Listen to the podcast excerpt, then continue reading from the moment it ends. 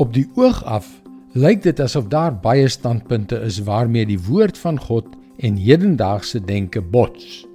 En wanneer dit gebeur, het ek en jy die keuse oor watter een om te volg. Hallo, ek is Jockey Gouchee vir Bernie Diamond en welkom weer by Vars. Dit is 'n stryd wat ons almal in die gesig staar.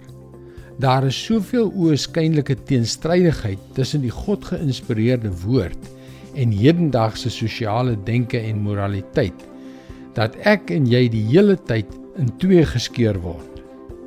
Die eerste ding om te besef is dat dit niks nuuts is nie. Al te dikwels tree ons op asof dit net in ons generasie voorkom. Maar die rede waarom God se kinders sedert die antieke tye reeds vervolg is, is omdat God se liefde, sy weë en sy waarheid in 'n ewige stryd teen die bose van hierdie wêreld staan. Dit is hoekom hulle Jesus gekruisig het.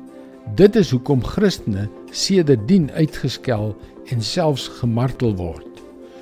Reeds tydens Ou Testamentiese tye, toe Israel 'n wêreldse rigting ingeslaan het, is dit wat God vir hulle moes sê.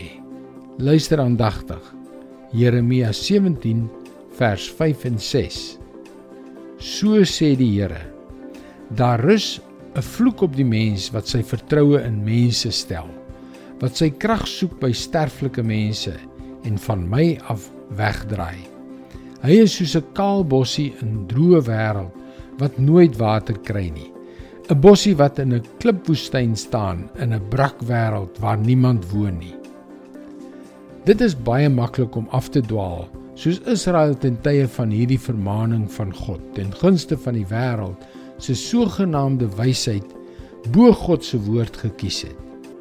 Maar soos 19de eeuse Britse prediker en evangelis Charles Spurgeon dit gestel het, die Heilige Gees ry op die strydwa van die skrif en nie in die wa van moderne denke nie. Dit is God se woord vars vir jou vandag.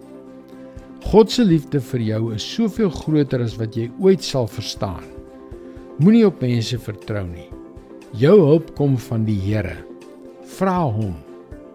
Die enigste soort gebed waarvan die Bybel ons leer, is die soort wat kragtige resultate het. Ons sal baie graag saam met jou bid. Gaan gerus na powerfulprayer.org om jou gebedsversoek te deel. Luister weer môre na jou gunstelingstasie vir nog 'n vars boodskap. Mooi loop. Tot môre.